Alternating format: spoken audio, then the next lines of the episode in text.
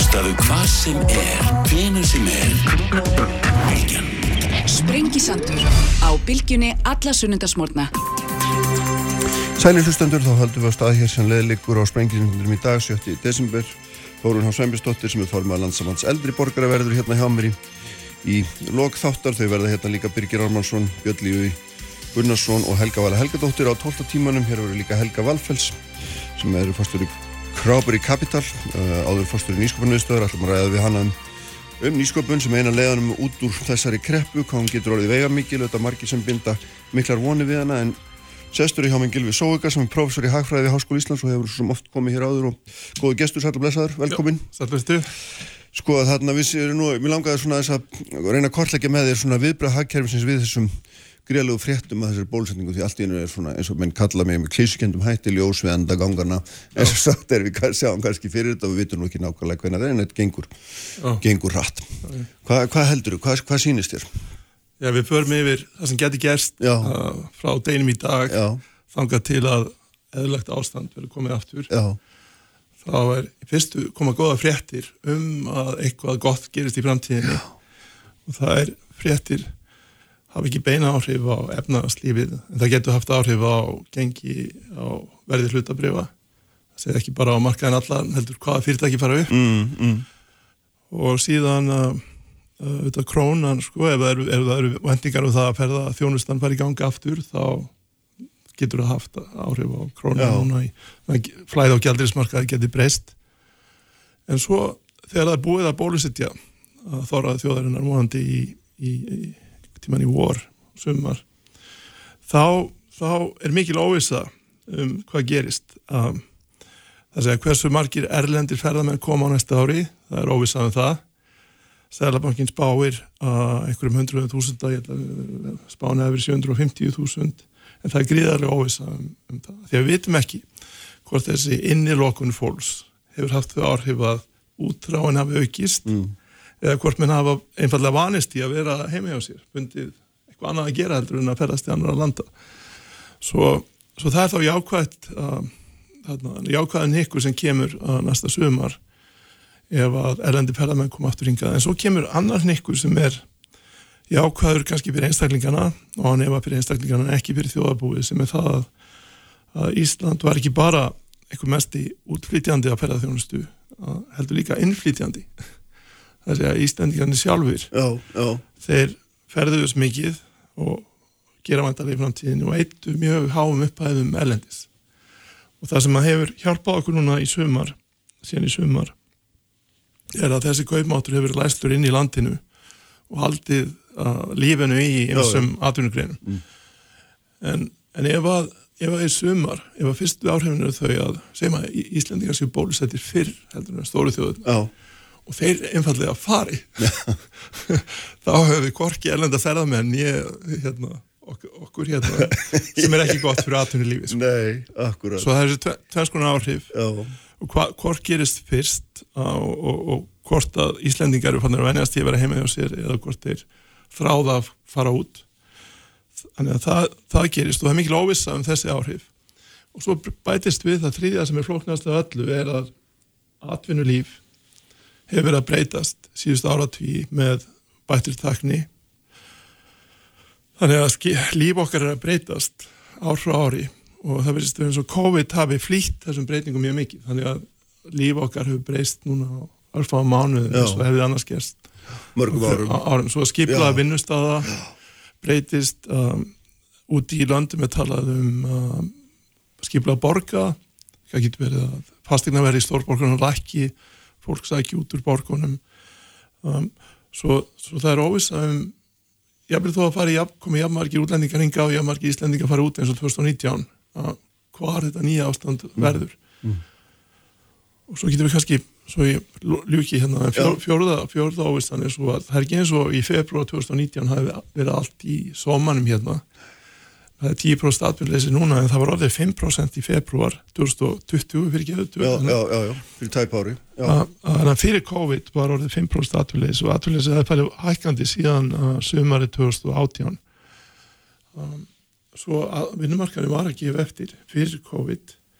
Um, og ef að þessi farsót hefði ekki komið fyrir þá hefði sko tíminn heldur áfram að líða og þetta var á nefurleir Já, um, svo það er orðhönæft að ætla að fara aftur til 2017 eða 18 já, svo við veitum ekki hvar, hvar við værum. Um, mörg Nei. aðeim fyrirtækjum sem voru þarna í janúar 2020 hefðu vantarlega sagt upp fólki og sem hætt störfum og svo framvegis. já, já, svo það, það er mikil óvissa en, en, en vantarlega mun mun hérna það, það, það er búið að stúdira sko farsóttir uh, fyrir alda. Og hagkerfi taka yfirleitt snörglega við sér. Um, og sko eftir spænsku veikina var þriði áratugurinn var úti eins og í bandaríkjunum var gríðarlega uppsveifla. Um, svo það er svo sem engin ástæðis að búast við að þetta verði viðvarandi uh, áhrif en það er samt ákveðin sár sem myndast. Það eru fyrirtæki sem detta út. Það eru fyrirtæki sem hafa verið skulduri núna en áður. Og það eru sár sem myndast. Og ríkisjóður hann verður með meiri skuldir fara úr 30% landsfræðanslu yfir 40% landsfræðanslu svo, svo, svo ekki træðilegt en það er mm. Og svo- og svo eru það sem maður hefur kannski mestar ágjur af er að viðkvæmustu þjóðfélagshópanir eins og krakkar í skólum sem missa þá eitt ár núna úr skóla upp á þeirra félagsþroska og Aha. mentun það, þannig gæti verið að myndast um, annars ár vonandi sem minnst en Mm. það er möguleik já, svo, svo þetta fer í aðeinlegt ástand með meiri ofnbæra skuldir um, skuldir fyrirtækja margra meiri. Og vonandi þessi viðkvæm hópar sé ekki hafi ekki orðið fyrir mjög slæmum áhrifum. Mm. en uh, En sko, hérna, ef maður, maður svona vitnar í sko nýja, nýja, nýja hérna, skýslu sem að fyrirvændi selabankastjóri skrifaði eða var í, fór fyrir hópi sem gerði, þar var allt, allt hérna, voru öll um, okkar eglaðu eiginlega í ferðarþjónustu skálina og það er hún sem á að reysa okkur við og hérna, og, og svona maður veginn, hefur ákveðin vara á sér þegar hann svona, svona, enn og aftur á að reyna einhvern veginn að Já. einblína á eitthvað og aðvað hvort að það já, getur hérna snúið já, Nú gangi í tímasvið, hvað finnst þér um þetta? Þú hefur sjálfur fjallað um sko, uppbyggingu ferðarþjónustu sem til dæmis hérna, láluna greinar í háluna landi ef ég mann þetta rétt og hefur orðað það þannig. jú, jú. Hver- Hvernig, svona, hvernig horfir þetta, þessi framtíð við þér? Þessi tilvitnun hjá þér er, er rétt hvað var þar vormánuði og sumarmánuði að það eru tóm mótel þau munu vonandi fyllast. Mm. en þegar þú tala um næstu fimm ár þá er það kannski ekki skynsalegt að byggja á þessari grein. En ferðarþjónustan hún, hún, hún hérna auðvitað var gríðalegur búnnikkur Já, að, og þessar gjaldiristekjur sem fengur stafennin breyttu á gjaldiri stöðu landsins borguðu upp elenda skuldir, það eru elendar eignir. Já, svo það þessi góða staða sem við höfum í dag er meðal annars og stóru leiti vegna þessara miklu tekna sem komið þann inn. Og það sem er gott við hana líka þetta er eitthvað besta byggðastefna sem hægt er að hugsa sér að því að tekna að dreifast með svo margra aðila út um allt land. En, en ókosturinn við að byggja á henni um, einungis þess að hafa sjálfveg og ferðarþjónustu og ekki neitt annað mm. er að þú ert í samkeppni við lálaunalönd og hér árin fyrir COVID voru meðalvegin einhverju allra, allra hæstu innan meðal þróara ríkja Mm. svo það að hafa ferðarþjónustu sem svona mikilvæg grein í landi þar sem að laun eru að meðaltali mjög há og jöfnuður í alþjóðlegum samanburði lítill er að býður hættinu heim að verði óróa á vinnmarkaði eins og við sáum að fólk sem er í lálaunastörfum í greinin er að bera sér saman við aðra. Og síðan er samið um launahækkanir. Og þessar launahækkanir sem var samið um, um voru í 2019 um, ég tel alveg víst að þær kiftu grundvellinum undan rekstri sem veitingastaða í miðbænum hérna. Aha, um, þetta er ekki marga krónur en samt þegar þú ert að selja máltíðir til þess að greiða starfsfólkinu þá þarf þetta að selja svo mikið til þess að hafa upp í upp í hennan kostnað. Og svo það er ekki skynsanlega til, til frambúðar. Þú, þú, verður að hugsa hvers konar að samfélag þetta vera. Það eru störfa hverfa. Fyrir nokkrum árum var ég spáð úti að elendis að innan 30 ára myndi 70% starfa hverfa. Og við erum að sjá bara núna strax hvernig hver starfið á fætur öðrum er að eins og lítið á bankastarðsemi Já. hvernig hún breytast bara á örfáum árum svo, svo það væri mjög gaglegt að að það væri að horta aðeins lengra fram í tíman svo hvernig fyrirtæki eiga að þrýfast hérna og búa til einhverja umgjörð þannig að það er til góð störf. Já, og þetta er eins og Norðurlandin gerðu um, við talum 1985-90 að búa til kerfið það sem passar upp á mentakerfið passar upp á fjármögnum fyrirtækja passar upp á umhverfið. Þannig að enga framtæki búa til fyrirtæki sem eru að búa til mikið virði og góð störf. Já, en ekki láta bara hlutin að gerast. Aha. Sem eins og við höfum í raun og veru Já, svona látið atbyrður ásynadaldi taka á okkur völdin það er, það er, það er stílinn hérna. Og þetta er auðvitað surrealist fyrst voru það bankar og allt samfélagið snýrst um banka svo er það bara búið. Já, svo er það ferðarþjónusta og svo er hún búið er ekki að hafa meira stígandi lökku sko. já, akkurat. En sko, hérna, eitt af því sem er, svona, er áhugavert í tengslu við ferðarþjónustunni er að því að hann tala, tala mikið um hann og segja, sömur vilja halda fram að þetta sé bara ferðarþjónustu kreppa þessi COVID-kreppa, en er hún ekki myndur ekki taka undir það, hún er miklu viðtækar og skellurinn er orðin útbreytur um allt í raun og verum Já, sko, sko farsóttin, hún lamar uh, það er atvinnugreina sem krefast þess að fólk hittist það er ekki hægt að eiga samskipt mm. genið tölvu og það er ferðarþjónustan um, en svo er líka innanlands uh, af því að sóttin barst aftur inn í landið núni í haust þá er það menningastar sem er persónlega þjónusta það verður líka fyrir mm. hérna, skell. Vestunarekstur, En, en Veslunareksturinn, sko, hann, hann nýtur þess að Íslendingarnir er ekki að kaupa allt í útlandum. Svo það var sagt að verslun í júli hefði verið eins og í desember í venjulegu ári. aha, Þegar við farið kringluna í sumar þá, þá svo það var greiðlega mikið að gera. mm. Því að fólk er að kaupa innanlands það sem hefði annars keipt elendi. Svo, svo verslun, ég, ég, ég held, sko það eru greinar sem hafa hagnast á þessu ástandi og það eru þar greinar sem að selja vörur sem að við hefum keipt erlendis eða selja vörur sem við kaupum af því að við erum ekki eða penningum erlendis svo það eru smáttalega fataverslun það er hérna, byggingavöruverslunin þjónustæðina manna þetta sem að penningarnir hafa farið í sem að myndast annars konar hagkerfi já, sem er ekki svo mikið þjónusta heldur kaupa vörum. Aha, En þannig að svarið við því sem varst að segja, jú það er hérna ferðarþjónusta og, og, og innlend, ímið skona innlend þjónusta og já, menningastarfsemi, listamennir, og leikhúsin, og allt að, að þetta krefst nándar mm. Og svo er einhvert smitt um, út fyrir það. Smitt, aðalatriði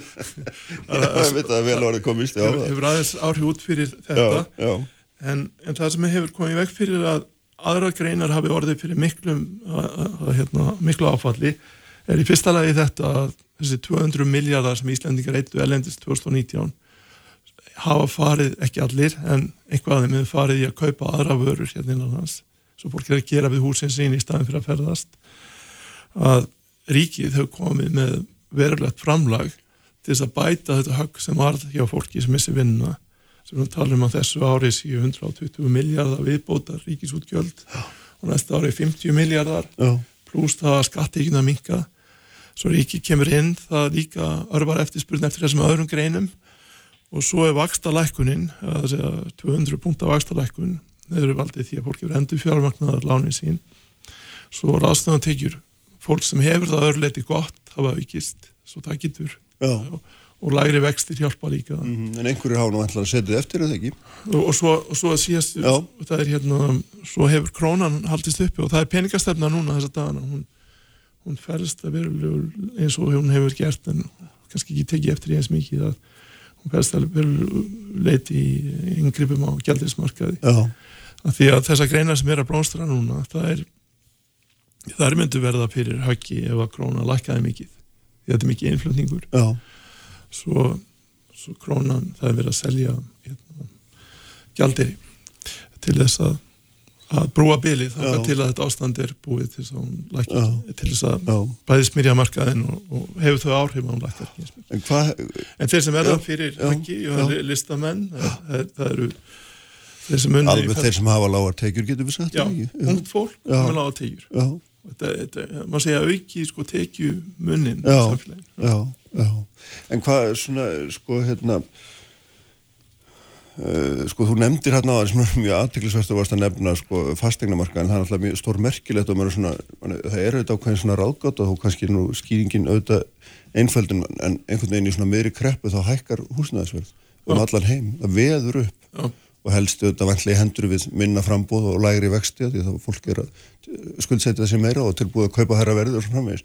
En þetta er svona merkileg þróun einhvern veginn í hagkerfi sem er á dundrandi niðurleið að þarna eða hvað, er þetta ekkert merkilegt, er þetta bara eins og við varum að búast?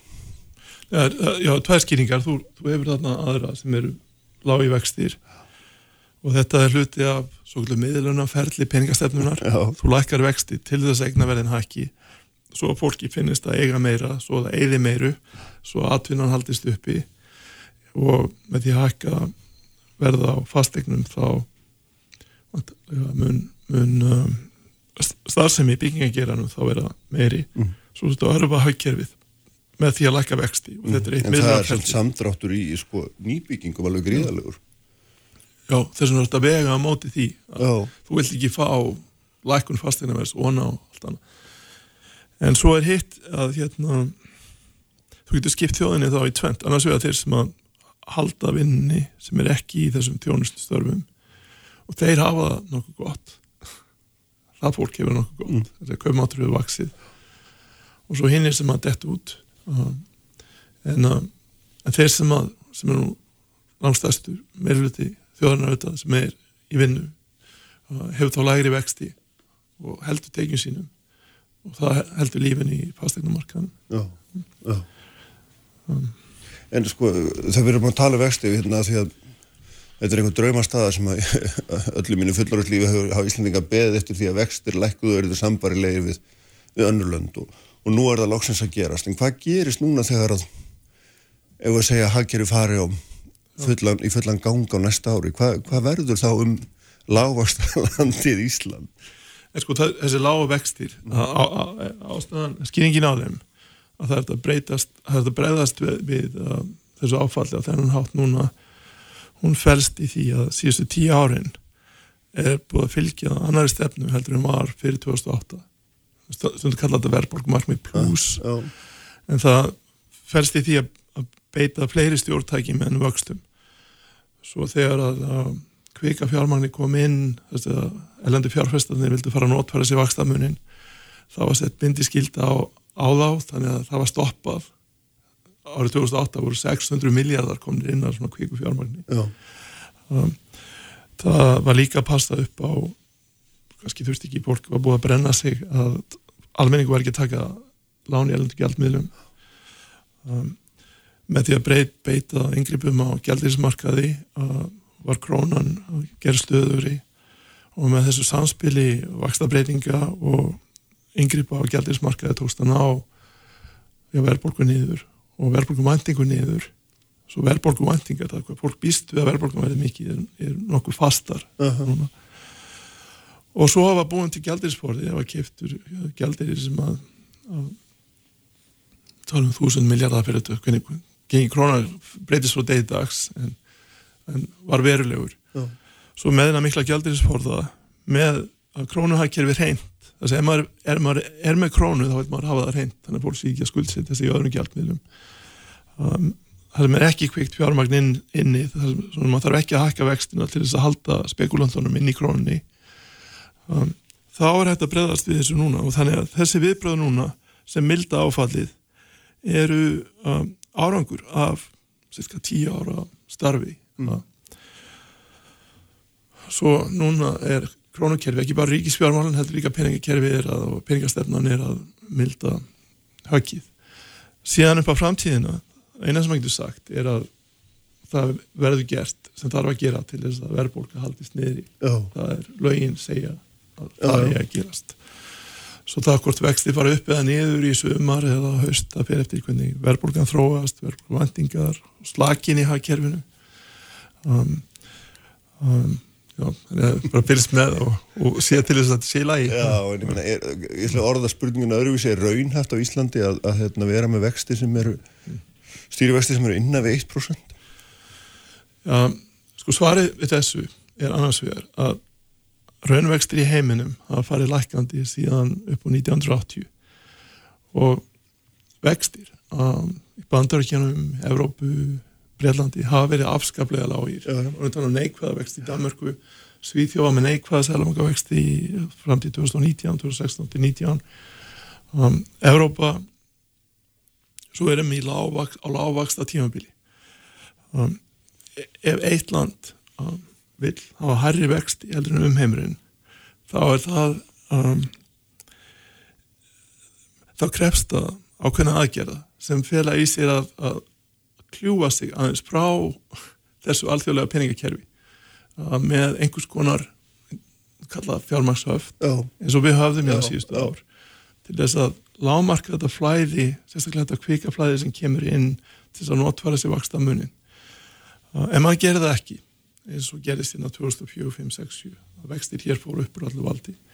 Þá myndast fjármagsreifingar sem að hafa ekki bara áhrif á gengi gjaldmiðilsins svo hækka gengi gjaldmiðilsins og skemma þannig útgrunnsgreinar heldur líka að valda og geta valdi fjármála og stöðuleika um, svo, svo það sem við hefum gert um, síðustu árin er að beita þessari sérstöku bindiskildu á fjárhastingar útlendinga til þess að lámarka þetta kvika fjármagt sem er notfæra sér vakstamunin til þess að geta haft aðeins aðri vexti hér en ælendis svo, svo það er hægt.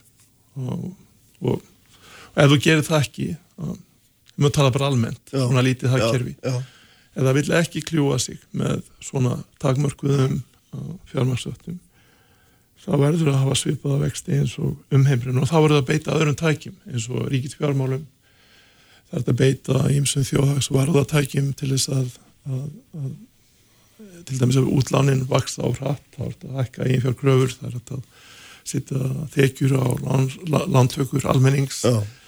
þetta beita öðrum tækjum en ekki vaksta tækinu Þannig að þeir eru tæki til þess að halda vöxtum niður í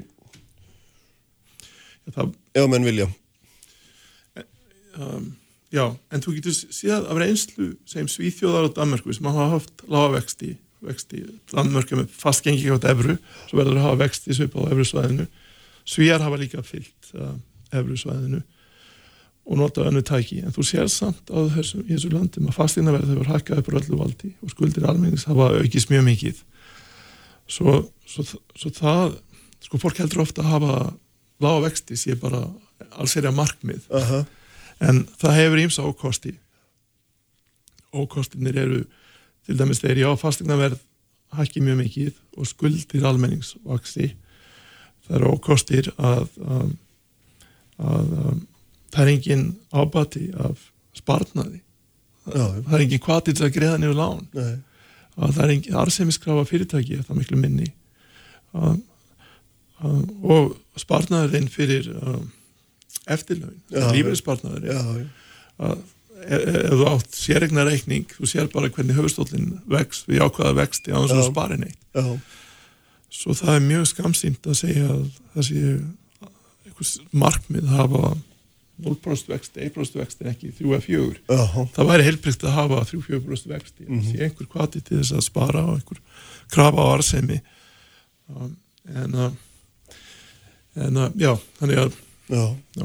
En, það, en það hvað er gert hérna í núverandi kerfi Já. fer eftir aðstæðum og það er gert það sem þarf til þess að já, já. En þarna kemur nú inn á svo mikilvægan hlutgilvegi sem er spartnaðurinn vegna þess að við erum auðvitað með hér risa á þessi lífeyrissjóðakerfi sem gerir fyrir 3,5% Já. raunávostun á, á hérna, lífeyrin ef ég skildar rétt og, og það er einhvern veginn bundið í hvort það er bellins í lögum eða, eða hérna, einhvers staðar er það nú allavega svona heilat markmið Já. og það er auðvitað í svona lágvaksta hagkerfi mjög erfitt að ná því Já. og við erum að búast við að lífeyrissjóðinni fjármagni ríkisjóðiksat, hérna skuldir ríkisjóðs núna, mistu ást ekkur verulegu leiti uh, á þá miklu lægri vöxtum heldur en þetta er æskilin. Þannig er ákveðin svona tókstreita í gangi og bröðl og sér það ekki. jú en þeir þurfa það ekki, Ríkisjóður getur tekið lán ellendis Já, já, reyndar. En, en, en innlendur sparnaður hann nægir fyrir uh, hallarist ríkisjóðs það er viðskipt afgangur svo að það er mikill innlendur sparnaður.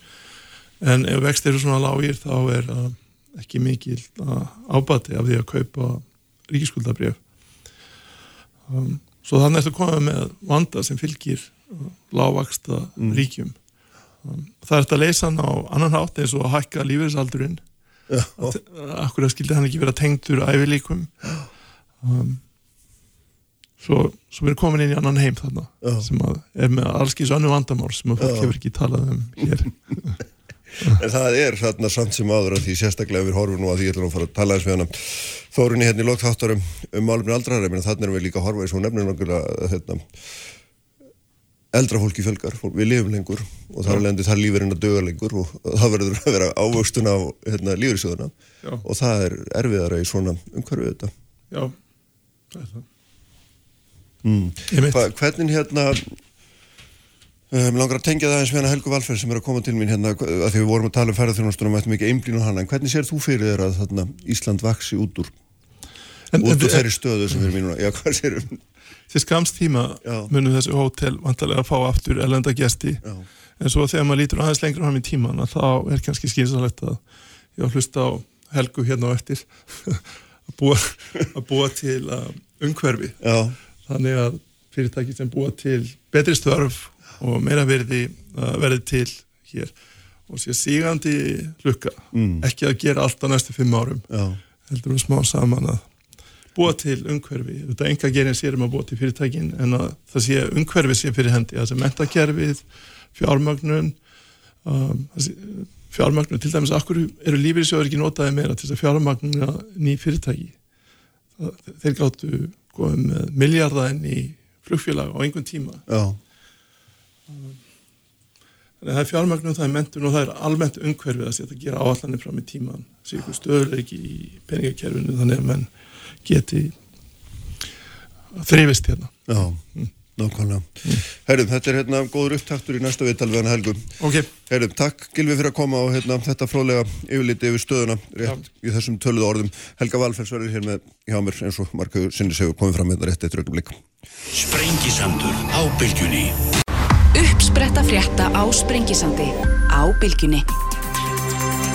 Sælir afturlustundur, þá er um, Gilvi Sóiga farin frá mér eftir um, helgar einhverjar yfirferð yfir svona stöðu hagkerfisins og, og framtíðar horfurnar þegar við sjáum fram á þetta bóluefni og hérna síðan verður hér Þórun Sveimistóttir formaður landsamanns eldri borgar í lok þáttar þau vel líka hér Birgir Ármannsson, Helga Vala, Helga Dóttur og Björn Levi Gunnarsson, alþingismenn við ætlum að tala þá um uh, landsréttar málið og svona hýmsa ánga þess, það er hérna á 12. tímanum en sestir hjá mér Helga Valfells sem að er uh, í fórstjóri Kráberi Kapital, er það ekki réttu titill Helga? Já, framkvæmdastjóri. Við, erum þrjá, Já, sko, eða akkurat. meðeigandi, það er svolítið Já. aðstæðanlegt að vera fórstjóri. Já, já, ok, yfir, yfir tveimur öðrum Já, já, Sérstaklega, já, því að, hérna, við, þetta er bara mjög mikið og gott samstaf, Já, sko, einmitt. þetta er, við erum bara alltaf meðeigendur. Já, stopnandi og einna eigundum Kráberi Kapital, er það ekki betri titill? Og, og hérna, fórst fyrir nýsköpuna miðstöð hér áður og ætla Já, nýskomur sjóður. Nýsköpuna sjóður Já. hérna, já, ok, ég er klúra öllur núna Nei, nei, hérna, sko ég var að tala við Gilvaðar svona um stórmyndina og vorum að velta í fyrir okkur í lok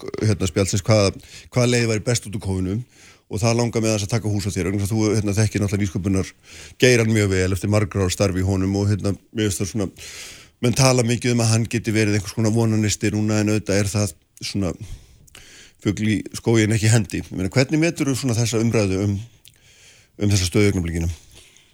Ég í raun og veru fagna umræðinni, þannig Mm. að ég fagna alltaf umræðu um nýsköpun og það er búið að vera í raun og veru byrjaði þessu umræðu kannski um nýsköpun svolítið eftir hrun. Þá var talað um að fólk þyrfti að stofna fyrirtæki og svona og þetta væri leiðin út í hruninu og byggja upp þennan þekkingageira og alþjóðageiran, ég veit ekki hvort að fólk man eftir með kynnsískíslunni sem Aha. lagði mikla áherslu á þetta. Aha. Og kannski í staðin fengum við ferðarþjónustugeiran sem gerði frábæra hluti fyrir íslenskt hækkerfi þegar þurfti mest að því að halda og, og, og hefur gert mjög mikið fyrir íslenska landkynningu. En enga síður, þú veist, frá hruni hefur maður alltaf verið talsmaður nýsköpunar vegna þess að það þarf hérna fjölbreytt atvinnulíf og ég held að Gilvi hafi nú komið inn á það áðan. Og sko staða nýsköpunar hefur aldrei verið betri. Ok. Þú veist, við erum náttúrulega í miðri tæknibildingu og fyrir mér er það mjög mikilvægt að Ísland tæki þátt í þessu tæknibildingu. Við verðum ekki bara neytendur á tækni, heldur við náum að skapa tækni og búa til ver að vera verðmætasköpun hér eins og allstar annars þar í heiminum Aha. í kringu nýsköpun og hérna, hérna Þórdís Kolbrún Gilvadóttir hérna, yðnar og nýsköpunar og ferðamálar á þeirra hún gaf það út á uh, um daginn að það hefði verið fjárfest fyrir erlenda, erlendi fjárfestar hefði komið 12 miljardar og Íslandi, íslenski fjárfestar hefði komið 7 miljardar á móti Já. bara núna á þessu COVID tíma sem það hafa verið fjárfest í nýsköpun. Og þetta er allt svona fagaðilar sem þekkja fjárfestingar og við höfum fundið fyrir því. Við fengið mjög flotta fjárfesta inn í þau fyrirtæki sem við erum í hjá Króperi, við erum í hérna 14 fyrirtækjum og með, erum með samstarfi ellenda fjárfesta í flest öllum fyrirtækjum. Þannig að þetta er mjög gott upp að það kemur mjög fagleg þekking frá fjárfestum inn í þessi fyrirtæki. 19 miljardar skipta þeir máli þegar eru hvað, 20.000 manns aðurlösa og ég held að þeir skipti mjög miklu máli. Í fyrsta lagi er þetta að búa til öðruvísi störf af því ég held að við þurfum hérna fjölbreytt atvinnlíf og við erum að útskrifa fleiri þúsund háskólanema á hverju ári. Já, já. Hvar á þetta fólk að vinna? Og það er ekki, sko ferðarþjónastan tekur ekki við öllu þessu fólki. Þannig að við horfum bara á þessa 19 miljardar, þá kannski búa þeir til að mista kosti 2000 störf. Aha. Það er tveir árgangar úr HR. Þannig að, og, og þetta er, veist, þannig að þessi störf í þekkingariðna, það er fólk úr viðskiptafræði, tölvunafræði, verkfræði og alls konar öðrum greinum, heimsbyggju sálfræði, það er að vinna í, af, í þessum störfum. Og þetta eru líka alþjóðlega störf sem getur unni frá Íslandi, þannig ég held að þetta sé mjög mikilvæg atvinnusköpun. Og ef við berum þessa 19 miljardar sem eru búin að koma inn hérna í kringum COVID, með að við kannski 2010 því ég byrjaði að fjárfæst í nýsköpun Já. þá var þetta 2-3 miljardar sem Íslendingar samtals voru að fjárfæst í nýsköpun á hverju ári. já. Þá var líka miklu hæra vakstastig þannig að svona fjárfæstar voru að horfa á ég að kaupa ríkiskuldabref eða á ég að hætta mér út í nýsköpun. Aha. Og nú er valið miklu einfaldara Miklu- að hvað já, þetta varðar já. og því að þú farið ekki ávustun á peningarna en en og, næst staðar. Og, og nýsköpunar kerfið er búin að blómstra. Við erum með reyndar í frumkvæla, við erum með reyndar í fjárfesta. Íslandi með betri ímyndi nýsköpun og við kannski meira segja að mentagerin er svona búin að túna sér til til þess að það, það er kent sko, nefnendur eru undirbúnir miklu frekar fyrir hvernig þeir eiga að vinna í nýsköpunarfyrirtækjum Mhm. svo við horfum að HR þá þurfum allir að taka á fyrsta ára að taka kurs í nýsköpun HÍ er með mjög góða kurs í nýsköpun og Bifröst og Akureyri þannig að fólk er meðvitað að leiða útskrifstur háskóla að þetta er hlut af atvinnulífinu sem er möguleiki. Já, þannig að þú myndir segja að, að svona þessi geiri getur haft vega mikið hlutverk í svona í framhaldinu. Já, hann bjargar ekki Íslandi, við þurfum marga geira, Já. en ég held að þetta getur orðið mjög mikilvæg og geira og er að vaksa og dafna og verður það og kemur líkir í veg fyrir spekileika. Ef að það er í fástörf hérna fyrir menta fólk, þá er bara fólk getur farið hvert sem er í heiminum í dag Já. og gerir það. Já. Og fyllt af fólki sem kom ekki heim og námi eftir hrun af því það voru engin störfi bóði eftir fjármál, fyrir menta fólk þegar fjármálagerin hrundi sko. Mm En er, er sko hérna, þegar maður horfir á þessu tölur sem þetta nefna, 12 miljardar annars vegar erlend fjármstíðing og 7 miljardar okkar Já. sjálfra hálfu, Já. þá myndi maður ímynda sér að þeir sem kemur utanfrá myndi segja, herri býtu, Íslingar eins og sjálfur tilbúnir að leggja verulegt fjármagn í þetta. Akkur ættum við að koma? Já, þeir ko- bara fyrsta lagi held ég að fjárfestar séu mjög klókir, þeir bara leita bestu tækifærunum Aha. og auðvitað koma alltaf, það eru hérna starfandi fjórir engareknir nýskumnarsjóðir á Íslandi og hérna, og þeir leggja koma líka með mótframlag og það skiptir óbúslega miklu máli, mjög miklu máli að sko hérna að það sé til svona heima partner og, þeir, og fólk skilur það að það kemur kannski með fyr, mi- minni upphæðir aðeins á undan, tekur kannski mestu áhættuna og þá koma aðri sjóður á Þannig að móti. þessi Það er- hlutföll er ekki óeðlega Það er alls ekki óðilega og, og í þessum sjóða geira þá eru sjóður sem sér hafa sig að vera með minni upphæði fremst í ferlunni eins og til dæmis sjóðum það sem ég hérna starfa hjá Krópir í Kapital og svo eru sjóður sem taka þátt í vaksta tækifærum og svo held ég líka bara við erum með mjög mikið á góðum frumkvölum. Fjármagnir skapa tækifærin.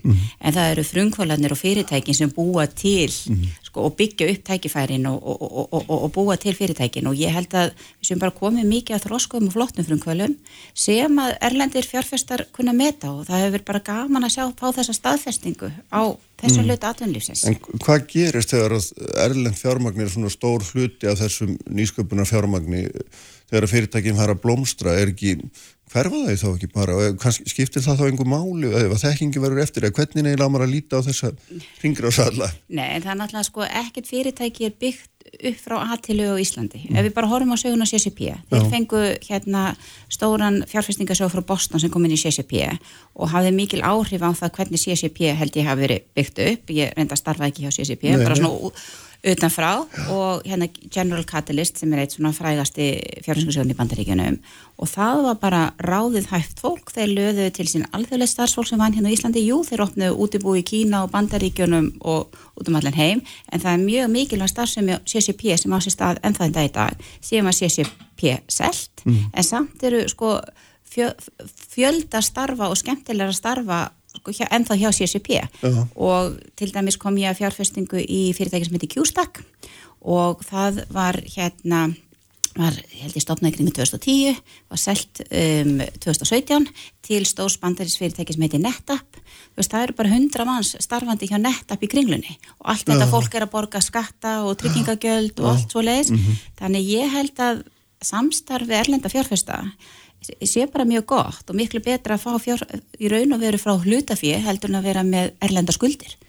Já, þannig að það er engin, það er engin hætta fólkin í þessu þó að við séum smerri aðlun, það er ekkit í þessum heimið þá getur maður auðvitað líka unnið hvaðan, já, sem já, er, er og ekki? líka bara fólk sé, sé bara faglegt, ég held að það sé þú veist og góðir fjárfestar geta mm.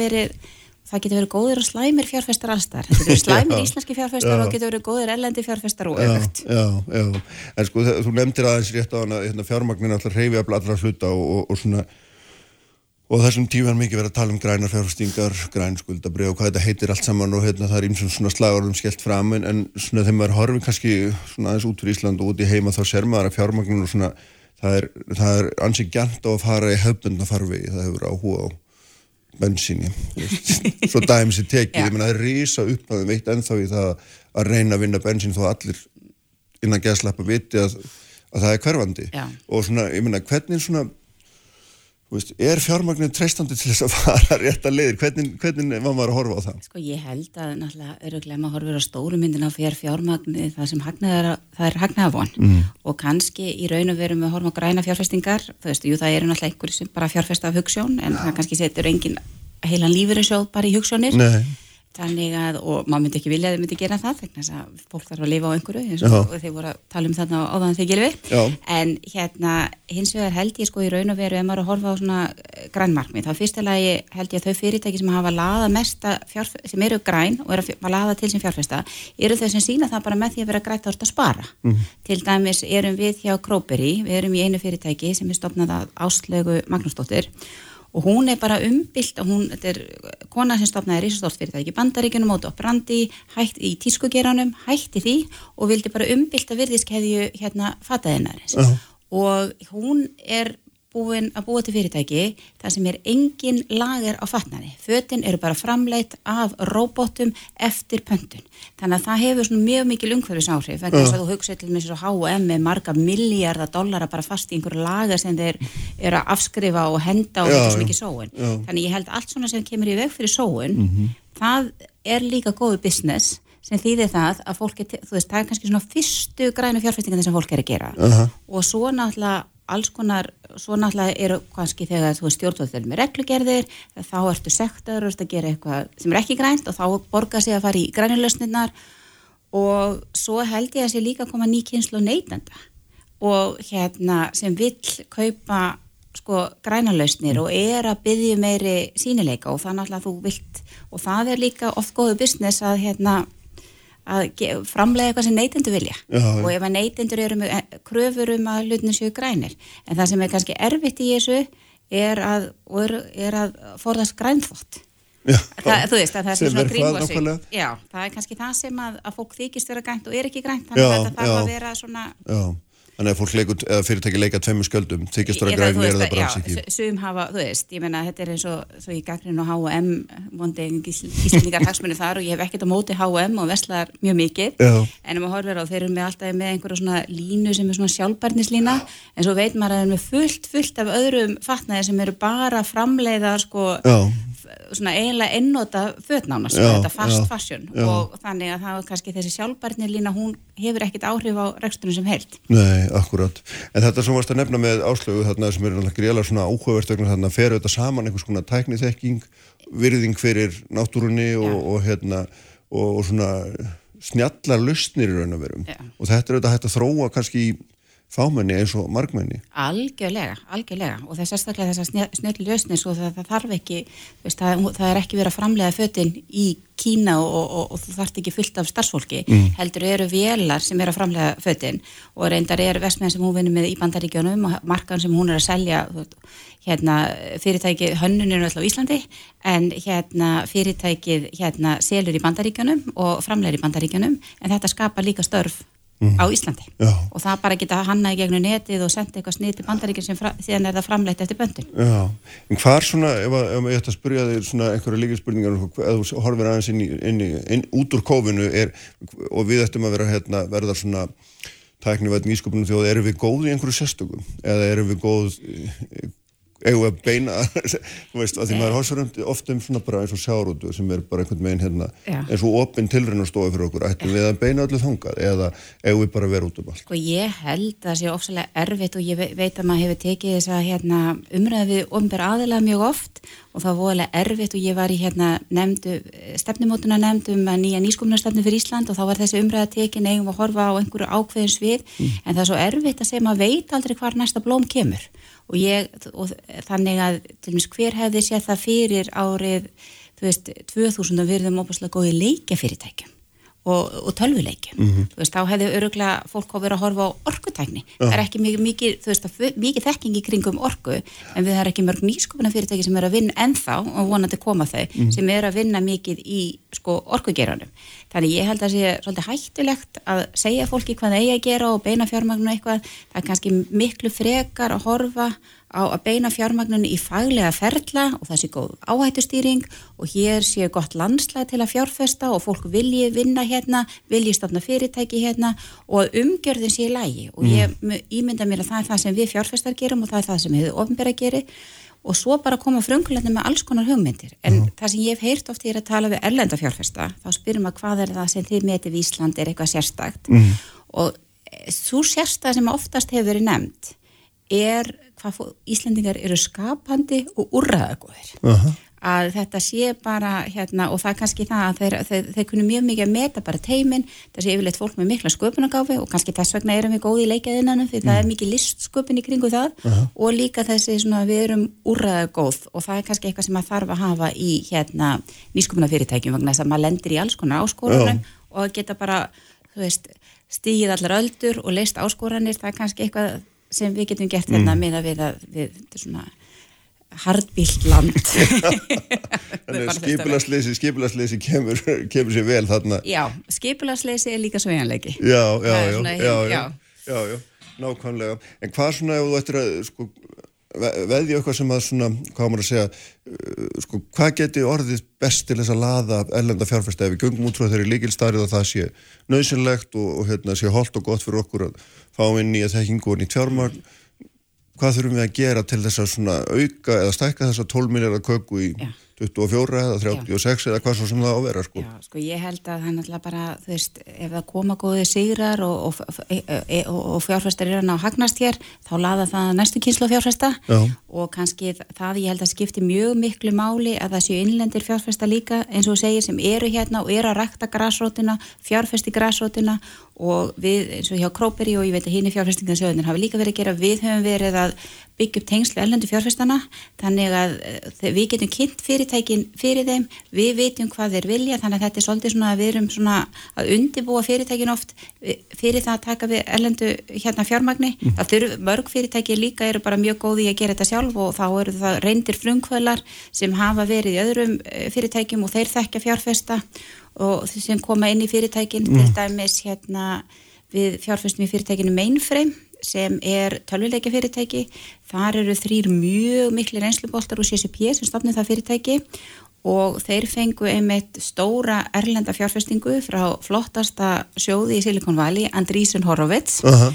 og þeir þá tveimu dögum, þetta er svo gaman Trump blokkaði bandaríkjunum og maður hugsa að nú koma engi ferða með frá bandaríkjunum uh -huh. en þá kom risa fjárfesting frá bandaríkjunum uh -huh. inn í stafræna lausn á Íslandi. Þannig og þetta og Andrísson Horvits er einn virtastu sjöðun í Silicon Valley. Og, og, og þetta fyrirtæki þetta voru svo, þessi menn sem stopnuðu mainframe eru bara svo reyndir í töluleikjabransanum og hérna ég held að þessi bandersku fjárfestingasjöður hann bara sá það að þetta er fólk sem kann og veit hvað er að gera. Mm. hérna Króperi hafi fjárfest á samt finskum fjárfestum sex mánuðum fyrr og þeir höfðu bara framkvæmt alveg ótrúlega mikið á þessum sex mánuðum, þeir voru með sínu hvernig tölvuleik, næsta kynslost tölvuleiki verður streymt í gegnum netið en þú þarf ekki að hafa fló, dýrar tölvule, tölfur uh -huh. og Andrísson Horovits var með þess að sömu sín og treystu þessum aðlum fyrir þeir voru með svo miklu reynslu. Mm. Þannig reynslu miklir frumkvölar sem skilja uh -huh. tækni, skilja markasmál uh -huh. og, og hérna það er bara það sem við þurfum að byggja upp. Að, og svo kannski líka að hafa tækifæri til að laða erlend fólk hingað og svo það starfi líka hjá þessum fyrirtækjum og þá verða þessi fyrirtæki svona alþjóðlega frá fyrsta degi og það er það sem sko alþjóðlega fjárfestar vilja. Þannig að þetta er allt saman snýst allt um að taka svona, hvað maður að segja, eitt skref í einu, laða fólk, laða Já. penning og, og alltaf svona smástækka.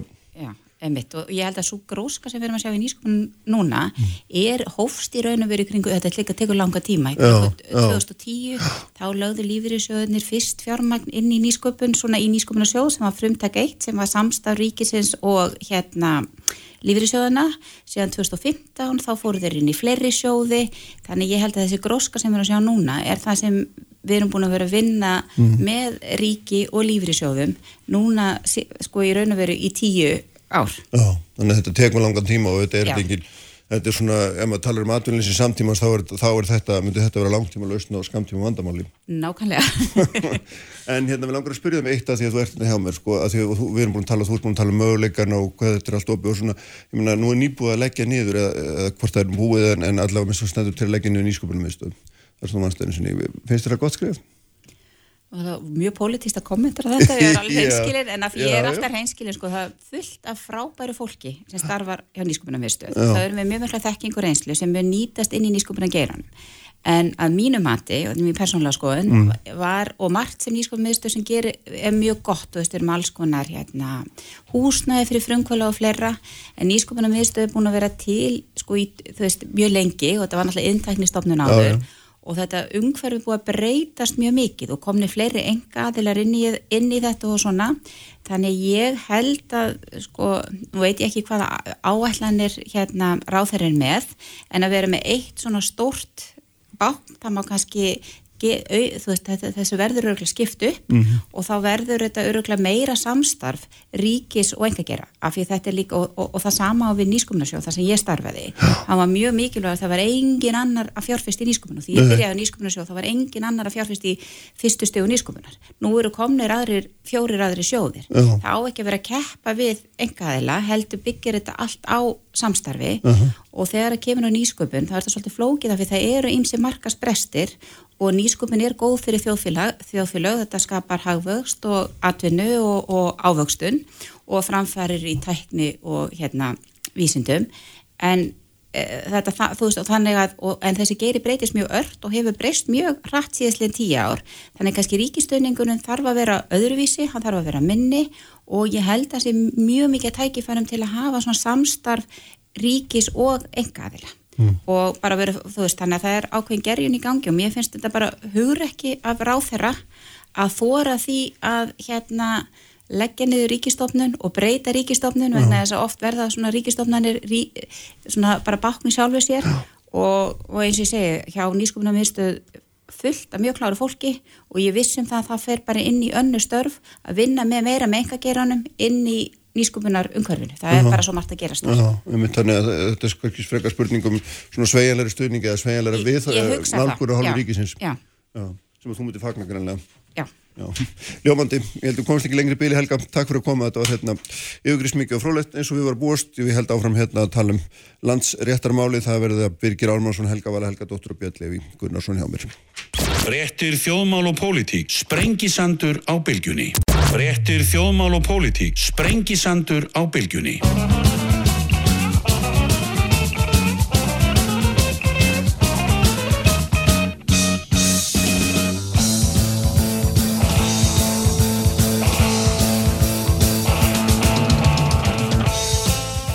Sælir afturlustendur, haldum hér áfram, Helga Valfærs farin frá mér, Þórun Svemistóttir verður hér í lokþáttar formaður landsambands eldriborgara en sestur er hjá mér Birgir Armansson og Björn Levi Gunnarsson alþingismenn báðir og Helga Vala Helga Dóttir en eitthvað staðar í símanum ef ég trúi rétt Sælblessu Helga, ertu aðna? Já, ég er hér, Já, sælir allir. Sæl, sæl. Og velkonni báði tveir, Björn Levi og Birgir. Við ætlum að tala um hérna mál sem ég kalla nú yfirlega landsdómsmálið en er auðvitað landsréttarmálið og hérna þessu nú öllu til réttir hafa haldið.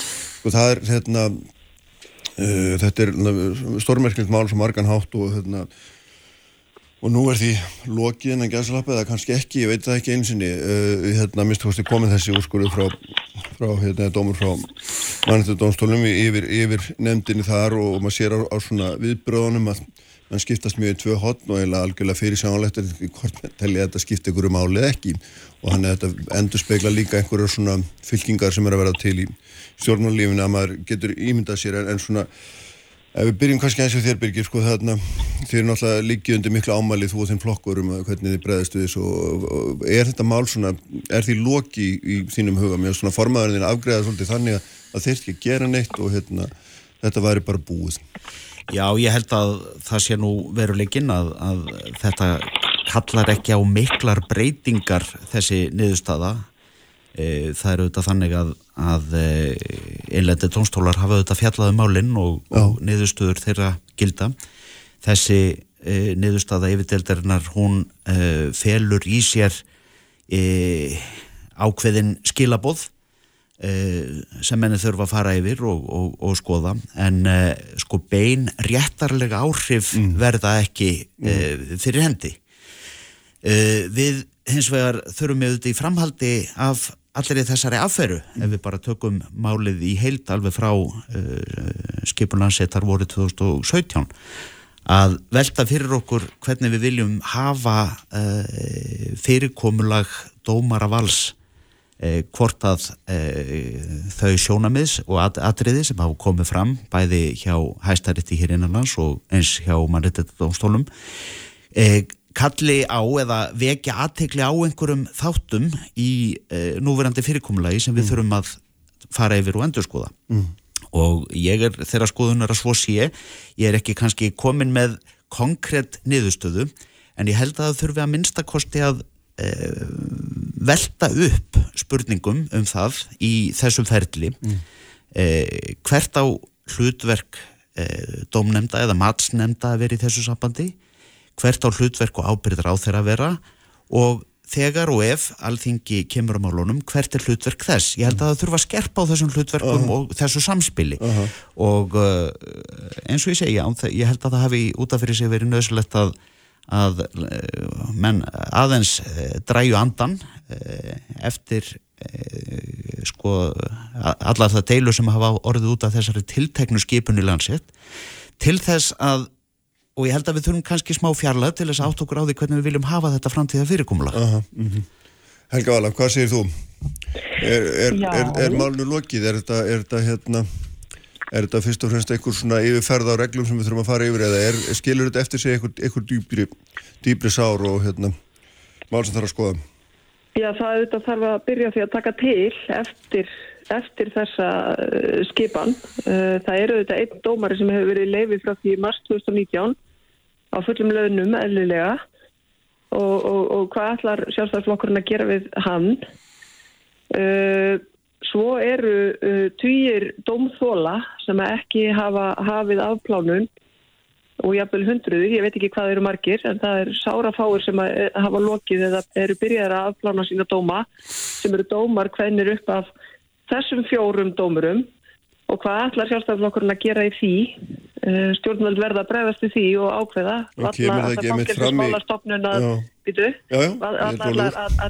Allar fangilsmálstofnun að fara að, að bóða inn alla án þess að vita hvort að þetta fólk muni óska eftir endurupptöku. Það kemur fram í niðurstuðu dómsins svolítið til að svara kannski þeirri umröðu sem að hefur verið hér uh, undanfærin þrjú ár að uh, dómarnir verði sjálfkraf ógildir að þá kemur fram í, í, í, í niðurstuðu yfirdeldar að þeir eru ekkert sjálfkrafa ógildir en einstaklingar sem að hafa sætt uh, þessari málsmeðferð fyrir dómi geta leita réttarfins, geta óskað eftir enduruptökun mm. og þurfa þá að sækja um það fyrir enduruptöku domstólnum. Mm. Þannig að það eru þetta fjölmart sem að á eftir að, að vinna og skoða og taka til. Þegar, að- Birgir fer svo að segja Já. sko, við þurfum að endur skoða ferlið allt og þá svona þá svona fer nú kaldur hrollur niður hryggin á mér ætla nú sjálfstæðum en enn einu sinni að fara einhvern veginn að, vasast í þessu En Helga Við Vala, fengum en hér Helga Vala, gott það er það eina, það er það eina þeir Helga geta Vala ekki hins vegar sem við reglunum- eigum að gera í hinnu sambandinu. Hitt eru atriði sem dómstóla leysa úr.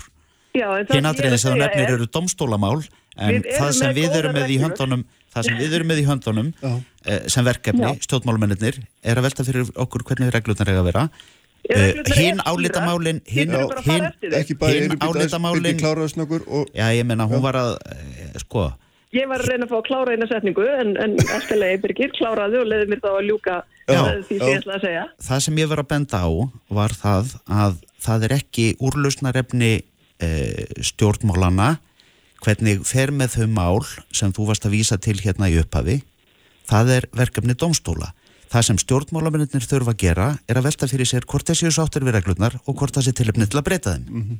Og þá segi ég, það er ekkert að reglunum, þetta var, þetta var búið til á mjög löngum tíma af mjög mörgu fólki sem að komast að þessari niðurstöð og þetta verður besta aðferðin.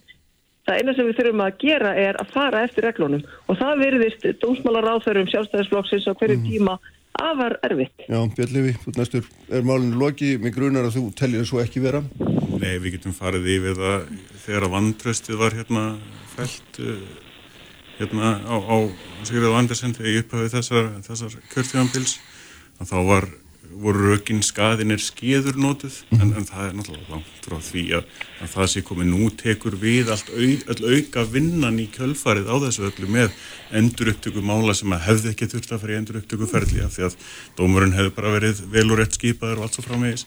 Núna er kostnaðurinn að fara að hrannast upp og mér finnst þess að í dómsorði, mannrætti er svona frekar hallast minna því að það þurfi ekkert að, hérna, það er engin kraf á Íslenska ríkinu að uh, fara inn en að endur upptöku eða þess áttar. Já, en þeir sem hafa, hafa fengið dóm eru komnir núna með uh, góð rök fyrir því að mál séu tekin upp á ný.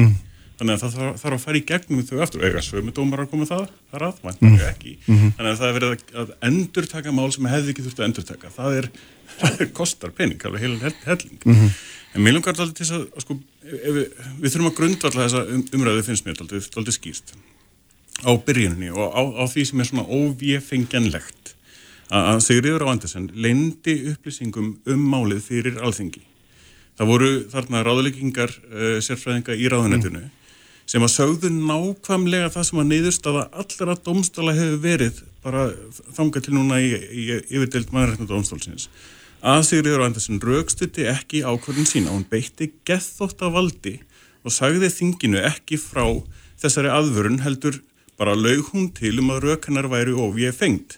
Hún laug því að samstarfsflokkum sínum og öruglega eigin flokki líka, nema hvað? Vantanlega kannski vinst við einhverjir aðrir ráðherrar í, í þessari ríkistjórn í sjálfstæðarsflokknum um, um þessi varúðar orð, orð ekki, ekki huldum því frá þeim eh, eins og í uppreist æðrumálunu þar sem það var ekki, það var, þar var upplýst millir, millir ráðherra hvað, hvað, hvaða aðvörnur orð voru þær í gangi. Og við erum í kjölferðið á því með þessa, þessa En þú sagði, þú sagði þessi ráð þeirra af sér eh, og, og hérna, eigum við þá að fara enn lengra með það eða hvað? Ég, kannski er þú kannski verður þú sannmæll s- með, með það að þetta sé landsdómsbálan ekki er landsrættamál, hver, hver veit? En, en við erum, við erum í þeirri stöðu núna. Nú erum við með dómara eh, við landsrétt sem að hafa verið hafa fengið sæti sín út af geðþóttavaldi og geðþótta ákvörðunum ráðherra. Nei, býtu, það er ekki lengur þannig. Þeir voru allir skipaðir aftur Nei, sko, nei, já, okay, þú, þú mætir fyrir réttin. Þú, þú, þú stendur hérna fyrir framann dómarana og þá fara að dæma þig. Og, og þú bendir á dómarana og segir býtu hérna, uh, er þú ekki mögulega óvilhallur mér? Af því að ég er yfirlýstur eitthvað í einhverjum stjórnmálflokki eða eitthvað svoleiðis og dómarana svarar, já, jú, það var þegar ég satt þarna í hinum stólum, ekki þegar ég sett í þessum stól. Það, það er engin munur fyrir þeim sem að kemur fyrir dóminn og sér einhver dómar að bara standa upp og skipta um sæt og setjast nýður annar staðar og- Þannig að, og- þannig að setni ráðningin er þá ómerka þínum að því. Algjörlega, það er nákvæmlega eins og þetta var svona tónlistastóla Þetta er bara alls ekki- Ég, ég, held að, ég held að við má bara skjóta að, Já, já. að, Nei, ég fingar náttúrulega því að hérna heyra svoleiðis svona útskýningar, sko. Við, við erum... Við, byttu fyrirgjöð eða er hann að stjórna þættinu? Nei, nei, nei, Ég var, ekki, ég var bara ekki búin að klára það, sko. Nei, nei, en verðt það. Þetta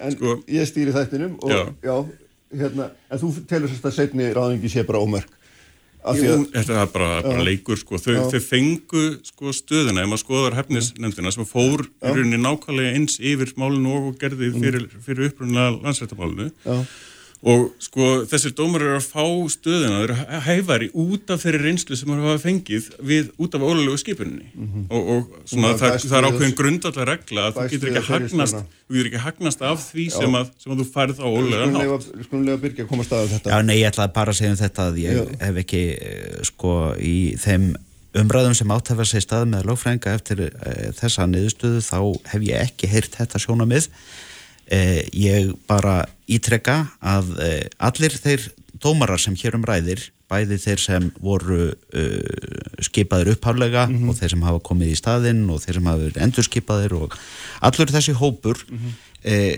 samanstendur af fólki sem uppfyldi öll hæfiskilirði. Eh, það sem þótti skorta upp á var ekki það að þetta fólk vantaði hæfiskilirði.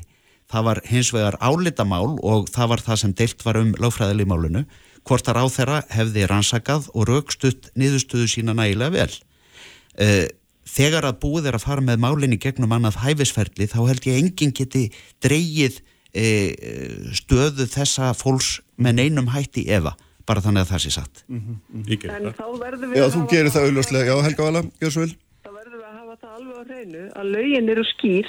Hvað varðar það að þú ætti ekki bara að taka hæfan einstakling inn í dómin og skipa hann heldur þann hæfasta hæfasta mm -hmm. og það er, það, var, það er algjörlega algjörlega skýrt hvernig á að standa að þessu að það er þarna eh, hæfisnemnd sem að fer yfir málið metur uh, þessa aðila og, og ráður á að skipa þann hæfasta henni hins vegar mistókst þegar hún fór að fókera og tók þann sem var í 30. sæti og skipti inn fyrir þann sem var í 7. sæti að, þá mistókst henni að rannsaka og, og raukstuðja hvers vegna hún taldi þennan sem að hafi verið metin í 30. sæti hævara, hævari til þess að gegna þessari stöðu heldur en þennan sem var í sjönda sæti mm. og ég held að það er einhvað sem við eigum að, einhverju sem við eigum að breyta í lögunum þá er það og mannreitindadomstólinn kemur svolítið inn á það og það er að þegar að alþingi þarf svo að samþykja svona ferli sem að verður auðvitað ekki aftur að því við erum ekki aftur að fara að skipa hérna 15 dómara en þegar að alþingi þarf að, að samþykja þetta að þá sé ekki nóg að það sé þessi pólitíski verðluti sem segir bara já alveg sama hvað gerist. Að því maður sér það inn á þinginu að það er bara stjórnarliðarnir sem að, sem að bara samþykja, bara stimpla án þess að spyrja nokkur á spurninga. Mm -hmm. og það eru þetta skandallin í þessu, auðvitað á að hefðu þurft að setja í lögin aukin meiruluti en ég veit svo sem ekki hvað hvort að það hefði breytt einhverju þarna sko. Nei, nei, en sko... Hún hefði vita lauga þinginu, hún let ekki vita, mm -hmm. hún let ekki vita að það voru allir sérfræðingar búin að segja við hana, þú getur ekki gert þetta svona því þú hefur ekki uppfyllt þau skilir því lagana mm -hmm. sem að þér ber að uppfylla. En er ekki, svolítið helga vel að þannig að sko ráð þennan ber ábyrðina og verðum við þá ekki að ætla honum svona nokkuð frjálsar hendur til þess að taka ákvarðinu því annars er orðið sem ekki róf á milli uh, ákvarðunar og ábyrðar. Já, veistu, við erum með alveg skýr lög um þetta. Mm -hmm. Ef að ráðherra ætlar að fara að hrópla við þessa, þessu hæfi, að þá verður að eiga sér stað alveg rannsókn á hæfinu og það var það sem að hún gerði ekki. Eh, það er ástafa fyrir því að það var farið í endurskoðun á þessu ferli.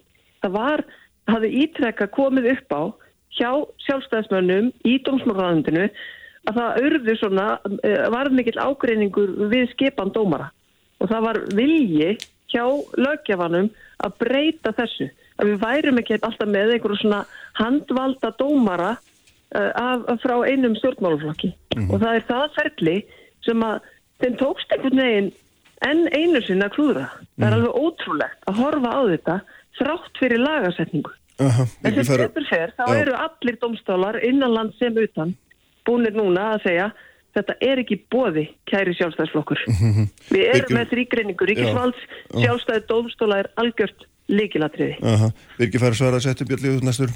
Það eru tvö aðtrið sem langar til að koma að hérna. Það, það sem, til að byrja með það sem myndist á hérna varðandi vandamáli með skipurinn á þú veist reglunar og allt það, mm. allt það svo framvegis. Að þær eru í rauninni ekki vandamáli. Það eru bólabröðin sem eru beitt til að koma, fara fram hjá reglunum og það er það sem hefur gerst í þessu ferli. Mm -hmm. þannig, þannig að reglunar og aðferðin við að koma... Réttur ráþærast að taka aðra ákvöndu dómnendin er skýlaus. Alveg tímalust, en, en sem það er líka mjög skýrt hvernig já, það þarf að gera og það þarf að brot. Það voru bólabröð farin, farin þar gegn reglunum. Þannig að það er ekkert endilega reglunar sem eru, eru vandamál, heldur mm -hmm. það hvernig er farin með þær. Mm -hmm. Hitt er sem, þetta sem hefur verið talað um varandi að dómarar meta um eigið hæfi og svo framvegis og, og þá horfum við þetta aðeins á þetta. Það er búið að vera augljóst frá upphafi að e, staða þessar dómara er e, vand, vandabúin það sýnir sér í því að þau fara aftur í að reyna að skipta um stóla og svo framvegist, það er ákveðin viðkenning á því að þau vita af því að, að staða þeirra er ekki samkvæmt eh, best, bestu, bestu tilhugun og, og þegar maður horfir á þetta núna, þegar núna yfir, yfir eh, deilt mannreitindómstólu sem er búin að klára það að þá, þá samkvæmt öllu sem maður myndi áætla að, að dómarar sem eiga, eiga meta eigið hæfi að þá hefði maður haldið að þau myndu álíkta sem, geta álíkta sem svo að þeir væri ekki hæfir til að sitja í domstólunum uh, í dómarasettunum eins og, eins og hefur kannski verið viðkent og við komandi, einn ein dómar er að maður er búin að taka sér frí frá til þess að, valda ekki skada uh -huh. í, í ákvörðun sínum um, ef, að, ef að við erum í þessari stöðu að, að við erum með dómara sem að, sem að setja þarna þrátt fyrir augljós vandamál að þá hljótu við að draga í ef að domgrein þeirra á, á einhvern hátt á, á, varðandi það og þegar ég kem þarna og reyna að sækja rétnin fyrir, slí, fyrir slíkum dómurum sem að augljóslega sína ekki þá domgrein sem að myndi áætla miðað við lög af hverju á ég að trista þeim til þess að, að nota sína domgreind á mitt mál mm -hmm. að, að meta mín örlög mm -hmm. Það, ég sé það, það vandamál bara í þessu, þessu máli frá, frá upphafi núna til eh, því miður ekki enda, það er mikið eftir þessu máli uh -huh. að við, við eigum eftir að setja upp með þetta nema þessir fjórir dómarar viki mm -hmm. Í fyrsta lagi þá eh, vil ég náttúrulega sko gerðsamlega vísa á bug sko fullirðingum um það að dómsmálur á þeirra þávarandi hafi logið að þinginu eða logið að samstagsmönnum eða öðru slíku uh, algjörlega fráleitt og þau sjónamið um að máli var ekki fullar ansakað komu fram fyrir nefndinni E, sem fjallaði um málið í þinginu voru röggrætt fram og tilbaka og þingmenn voru þess alveg meðvitaðir að e, þetta væri hérna e, umdeilt mm -hmm. e, hvað nákvæmlega fór fram í sko tölvupóssamskiptum innan ráðunætisins í aðdraðanda e, þessar á þeirra laði fransina oh. tilugu mm -hmm.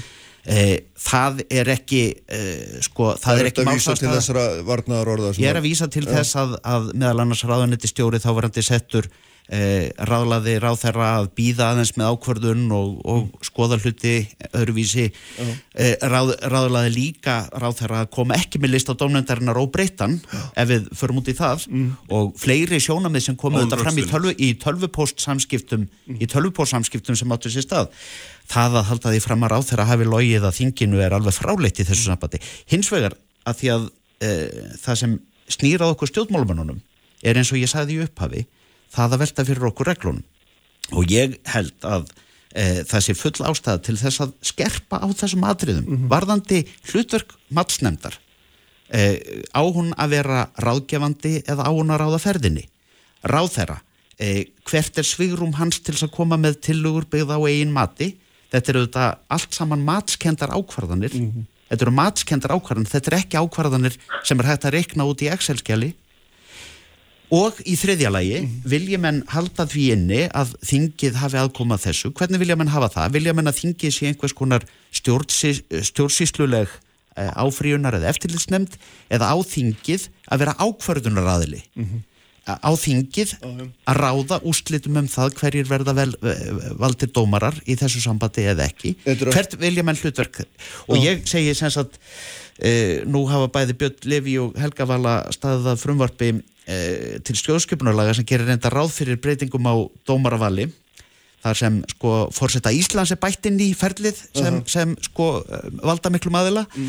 Uh, ég er ósamála því en auðvitað þarf að ræða það hvort að Já. fórseti á að er ráða úrslitum um það hverju verða valdir dómarar og aðri nefnbætismenn í landinu Já, þetta er allt góður gilda spurningar en svo, ég finnst, þú skautir samt framhjá aðrið sem er mjög mikilvægt í þessu og það er pólitísk ábyrð.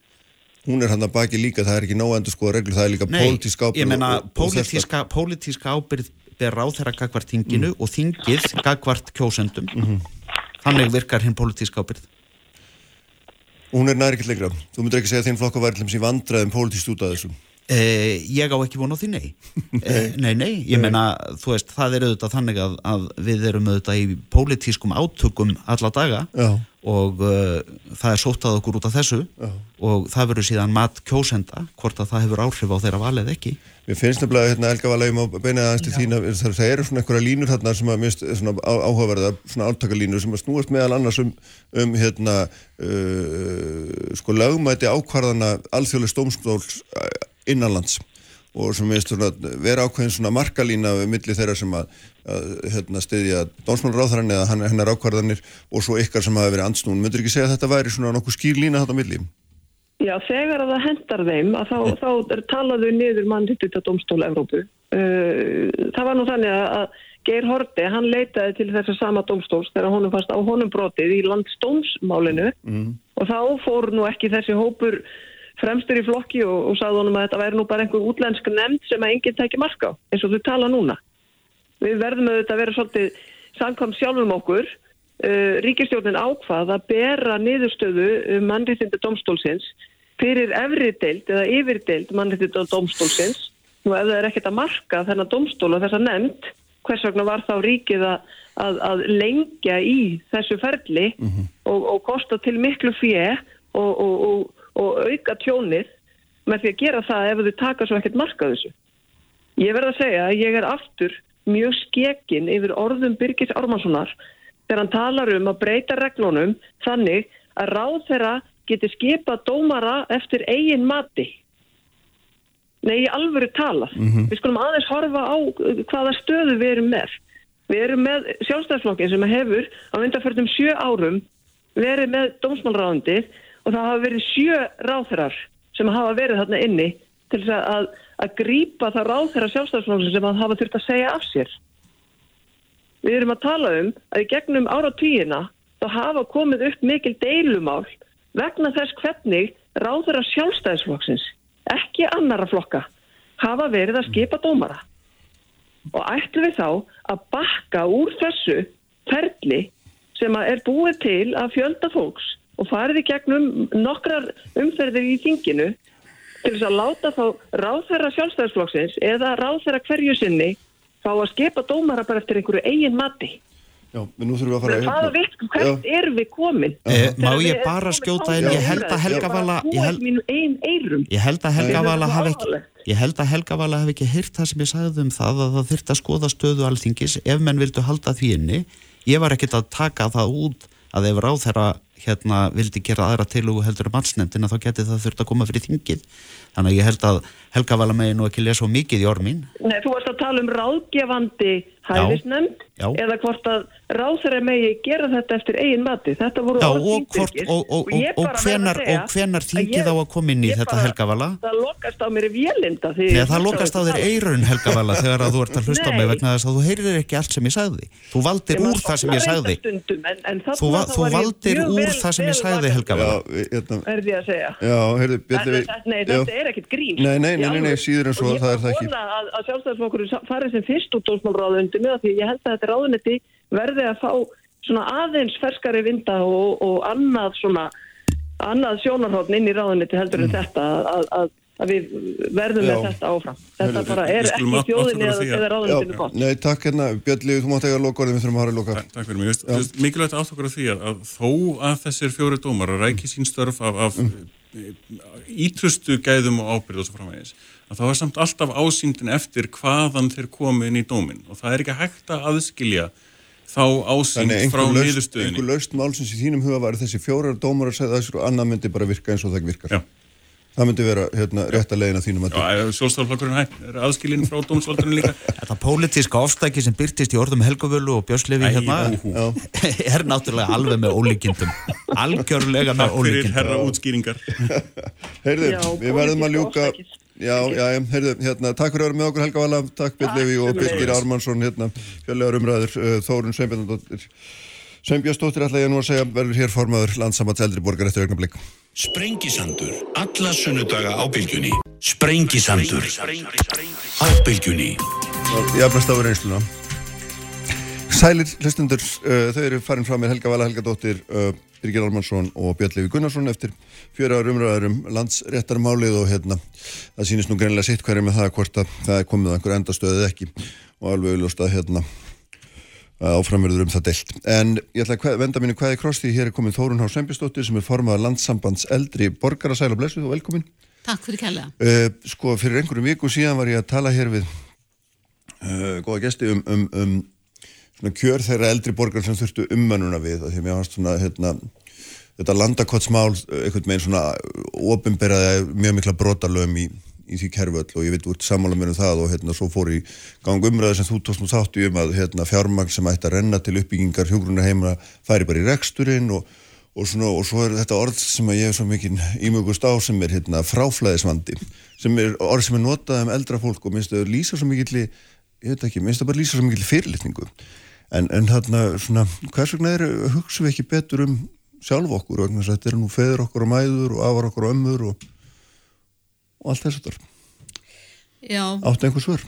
Já, já, já, já. tölvösta svörum. Sko, uh, við erum í þeim vanda að áratögun saman hefum við verið svolítið áttavilt í sambandi við tjúkunarna heimilis uppbyggingu. Þó svo við sem að borga í framkvæmda svo aldrara og það eru yfir 2 miljardar ári sem þanga fara nefnskattur mm. sem allir borga ákveðnum aldri að þá uh, gerist það að fyrir hvað 15 árum eða svo meira, það eru upp úr árinu 2000, þá er bylgja sem segir uh, það er allir að búa í einbili mm -hmm.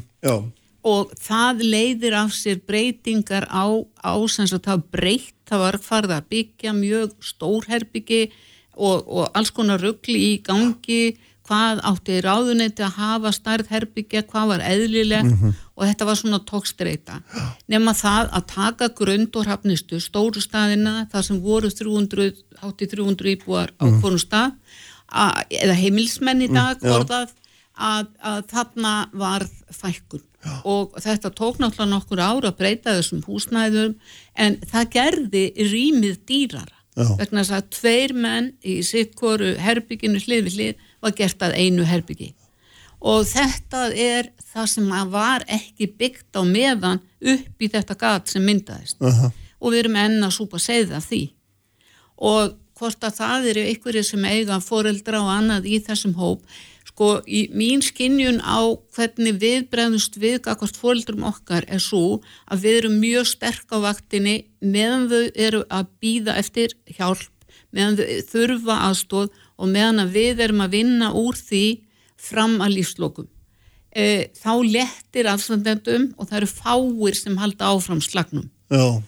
Og þannig að, að sko vandinni þessi það þarf bara að vera fólk sem að elita sem að er og það er til, alveg opboslega fín elita sem hefur brennandi áhuga fyrir þessu málaflokki, alveg brennur fyrir því, en aðkoman er í ráðunetinu og það þarf að finna lausnir. Við erum daldið að tala við Svandísi um það hvort ekki með finna önnur úræði og ef við berum okkur saman við mhm. Norðurlöndin að þá erum við með mörg hjókunarheimili og tölvist um frá Norðurlöndin uh -huh. og það er vegna þess að úræðin á leiðinni inn í þennan ferir þau er ekki nógu góð. Hér á höfuborgarsvæðinu hefur batnað heimilisjálf heima hjókrun og alls konar viðbót við það, sjúkraþjálfun, yðjúþjálfun og fleira heim til fólks sem er bara bilding og líka það að þeir samþættu þetta. Það er að segja heimilsjálf og heimahjókunum vinna saman en þau heyra undir sitt hvort ráðuneytið oh. þess að hafa menn ítt oft af sér oh. kostnaðin við heimahjókurun oh. e, til þess að spara og hérna þrátt fyrir yfirlýst markmiðum að allir vilji vera heima, það sé svo gott og, já. og svo framvegis. Já, ok, þar komum við, öðru- þar komum við líka að öðru stóru máli Já. vegna þess að til þess að allir getur búið heima og haft það gott Já.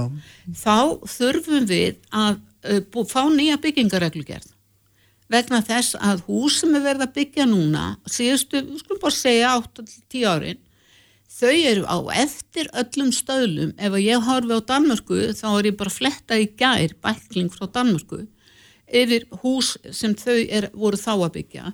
Og það er bara komið á allt annan stað. Það var í Hollandi líka árið 2000 komið á allt annan stað fyrir þarfir fólks til að geta búið til enda. Aha. Það er að segja e, salerni sem að, sem aðstofa fólkið, það er smart salerni, e, hækkandi, lækkandi vaskur, mm -hmm. eldúsinrétting sem þú getur líka hækka vegna þess að margt fólk fær göngugrind eða þarf part út í hjólastól eða ykkur aðstof og þá er ekki allt á réttum stað í þessari íbúð. Og það er líka bara við erum til dæmis það mikið á eftir að allar snúrur í rafmagni eru neyri gólfi. Það er að vera neyri á miðjum vegg. Það eru svona, Já. ég, ég get haldið áfram mjög lengi með þennan pakka. Að, að ef þetta væri rínt af, af eldrafólki sem er komið með þessa reynslu ég talaði einu sinni um þetta hérna og þá fekk ég viðbröð frá arkitektun sem sagði já, já, endilega skoða þetta eitthvað betur. En þetta er bara stóra málið. Það var ekki að reglugerð út af fölluðu fólki. Hún nýtist okkur vegna þess að við verðum líka lasburða já, verðumst og, og þetta að búa til heima alla leið, það er bara einn af okkar, okkar hérna markmiður sem þjóð Já, og að fari vel um fólk. Já, síðan þá þá er sko viðbótin, það eru sjálfbúðarlega hjálpin því að vegna þess að þetta er það stór pakki við erum 45.000 að það er svo eld- 45.000 eldri en 67 eða hvað. að við þurfum að fá og það er til dæmis núna, það er búið 10.500 eða 700 manns einir. Já. að það í þeim hópi segir Rauðkrossi mér er núna fólk út af COVID mjög einmanna. Það er enginn að koma, það eru fá símtöl og, og það þingir bara og þingir og þegar það fær svo vond veður og, og allt þetta þá hættir það að reyfa sig, það er í öngun sínum að panta inn vegna þess að það eru tæknin að hindra og allt þetta. Þannig að það að hjálpa fólki til virkilega að búa heima, þá verðum við að finna þessa lausnir. Þannig eru Danir mílu á undan okkur með heimsóknarvini, með símavini, með alls konar vini, þá er ekki bara hort á all það minnsta vegna þess að hér verðum við að passa okkur vegna þess að það er tekið mjög strangt á því af, af verkeflisefingunni að þetta sé ekki vinnusparandi fyrir heimilishjálpina. En, en sko vinnur sem vil fara með þér í leikhús eða eitthvað þau út allt í einu fastur í nýju lífi sem ekkil eða ekja þá ertu komin í áhættuhóp og þá þurfum við þessa hjálp. Það eru tvær stóra rannsóknir til um eh, kalla sem verða eklar eh, Bræði Skúlason og annar með honum gerðu slíka rannsók hér, önnur er frá Svíþjóð og hættan á sjálfsvíðum fyrsta árið eftir þeir missa maka er stór og mikil. Plús það að þá er áhættan á næringu og öllu í uppnámi. Já, já, og einmannakendi og jafnvel að íta frá sér fólki skilur Já. þannig að, að ég held að við þurfum svona þjóðar átak í því öll að standa saman að, að eh, þetta fari ekki í rekstur þessi peningar Já. í framkvæmta sjóði aldrara þessi notar á réttan hátt í þessa byggingu. Vandin er hins vegar sá að það er engin sammál um hvað má kosta að búa nei. þar eru stóru Já, Og- en maður svo te- tekur allt þetta svona átt að segja og horfir síðan á það að þessi hópur sem þú segir þessi 45.000 í dag, hann fer sístækandi, þeir fjölgar hlutfalslega og líka í rauntölu hérna inn í einhverja framtíð sem við hérna Mjög sjáum mikið, fyrir okkur. Og þá segir maður það, meina, þetta verður ókleifar og ókleifar í múr einhvern veginn að Já, annars er það ekki að Nef, nema við tökum bara upp ykkur allt aðra aðferð. Það er til dæmis eh, nokkri komið til okkar sem segja að ég er ekki maður, mér langar að kynast öðru fólki með það í huga kommunu. Já, Um, kona hér austur í sveit, hún hefur hringt tvisa núna í haust og hún vil gætna fá fólki í heimsókn sem að myndi, hún með mjög stórt hús sem myndi búa hjá henni ykkur tíu daga. D- fá svona eins og hálgerða kvíldar einn lög Já. en samt vera færi um reyfingu dásamlegum stað með mikla útiveru bara að koma með fötin sín en sammeilingum Já. þetta erum við að kynna fyrir nokkrum félögum hvort þau vilja tala við Já. og, og skoða. Og þetta hef ég alltaf heyrt öðru kóru en ég vil sjá meira að við séum eins og þær þjóðir sem standa sig best vegna þess að hollenska mótilið sem að ég hef skoðað í byggingum fyrir, fyrir eldriborgara það gefur meiri eh, hérna möguleika að búa allæfi Já. miklu meiri og af hverju erum við ekki búin að innlega eitthvað svona, af hverju erum við bara föst í, í, í formi Já, ég veit ekki, nú spyr ég þig. já, já, já, já, já, já en, en þetta er Þannig að þið erum náttúrulega alltaf búin að fara með þessar hugmyndir fyrir hversmastir og ganga fyrir og hérna. nefndir og nefndir og nefndir og allt það já, allir eru jákvæðir en lítið. já, já, það er til samstarfsnefndum um málefni eldri borgar og það er til skýslur í skúfum og allt það, en það er núna framundan að það fari hjá okkur hópur í gang Já. sem skoði hvernig viljum við búa og það, það sem háir okkur svolítið hér það er það að það eru enga lóðir fyrir raðhús það er mjög algengt í Danmörku að 8-10 manns búi í raðhúsi svona í boga Aha. og, og, og hafi svo sammeilegt útigrill og eitthvað svona þið vitið. Og, og þetta, það er svona alls konar hugmyndi sem ég fyrst vanta í þetta. Mhm. stór uh, búgarður í Þískalandi að búa tólmanns þar. Einni kokkur og annar þetta og eitt sér um hænutnar og, og fólk sem hefur áhuga fyrir ykkur ákveðnum málum fær að njóta sín. Já. og það er ekki eins og við séum alveg þó við verðum sjötug þegar nú eitt málið okkar að við séum bara hérna hættu öllu. Nei, nei. við höfum orku, við höfum þrek, við Já, getum mjög margt og við erum þjóðhagslega mjög mikilvæg vegna þess að það sem við erum að gera öll, meir og minna, það er mikil svirði, við erum að aðstofa börn og barnabörn, við erum mikið að leggja til samfélagsins í neysluminstri og stöðningur, ég bara mann úr hruninu síðast hvað stöðningurinn við e, börnin var dýrmættur Já, já, í hruninu, já. ótrúlega. En finnst þér þarna, myndur þú segja svona eftir að fólk næri sjötusaldri hérna, þá svona, þá loka hinnir eirunum aldrei mikið þegar að hérna, upp á það að fá vinnu, já já, já, já, já, augljóslega en bara Já, almennt en- talað. en, en, en, en alltaf eh, núna í sjónastáttum og eins og er verið að finna þetta fólk sem vinnur lengur Mm. og það er svo hamingjusamt að fá að vera bara kjört í sínu sem það var í og, og rútínan heldur áfram og það var þannig fyrir 30 árum að kallmenn þeir reynlega bara dóu ef þeir hættu að vinna Já, já. en það er nú sem betur fyrir alveg liðin tíð að, að, að það að vinna var svo mikið mál Já, já. En nú, er, nú erum við svo miklu meira félagslega sinni Þekki, þekki mann sem að sagði alltaf hérna að maður er að hætta að maður verður að vera, maður verður að hafa næga orku til að snúa lífi sínu við. Já, og undirbúa sig undir Já. starfslokin. Það erum við búin að tala um í mörg, mörg ár og Já.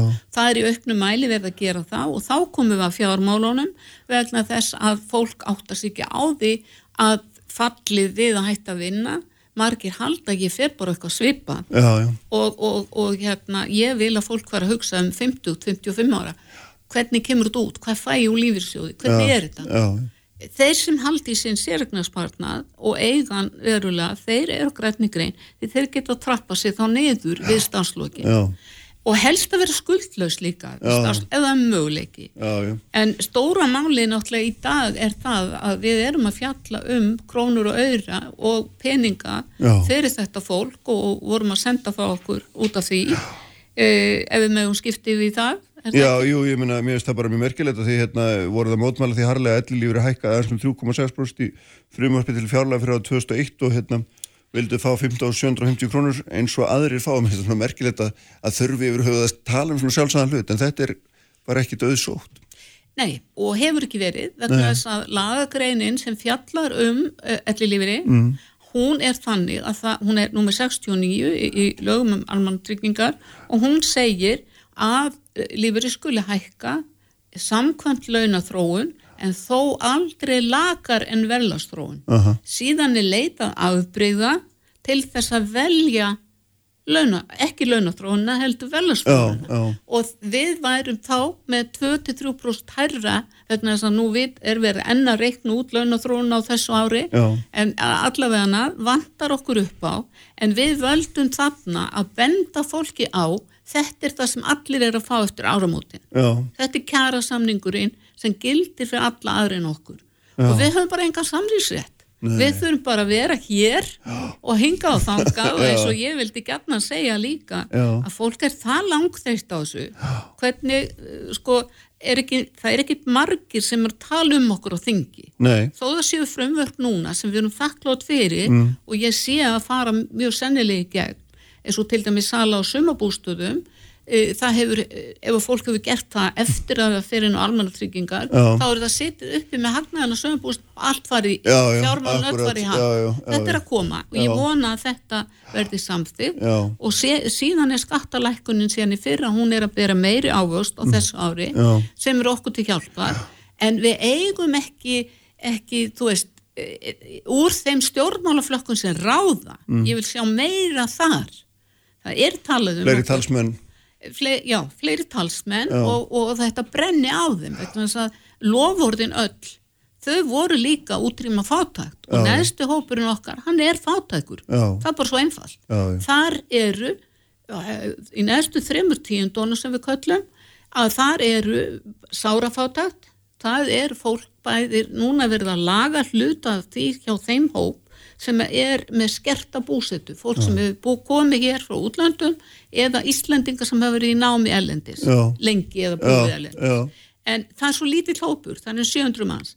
En, en hinn hópurinn sem eftir er sem er tæmlega um 10.000 manns hann er í sárafátækt og hann er í fátækt og þessir kostningalofvort þau fjalluðum fátækt, við ætlum að útrýma fátækt og það er verið að setja peninga núna í allt mögulegt til að hjálpa fólki í þeim vandræðum sem COVID er mikil verðhækkun á matvöru núna fer mjög illa með þennan Mhm. hóp ég get sagt þér að bara eins og verkjalif Já. þau hafa meir og meina hækkað um meir en 100 Já. krónu pakkin Við eitt af því sem að eldri borgarar Já. þurfa að nota en, en bara við byggjum alþingi um að hjálpa okkur. Já, einmitt, mér, það er góð lokvar, við skulum hafa þau þannig, hérna verðum að láta sprengisendurinn lokið í dag, ég verða við Haldursson stýrið þetta útsendingu, allt efnir á bilgjarn.is og vísi.is svo má líka finna okkur inn á Spotify og fleiri stöðum þar sem hættir að ná í hlaðvar sjálfur verði ég svo með ykkur hér aftur eftir vikum, verið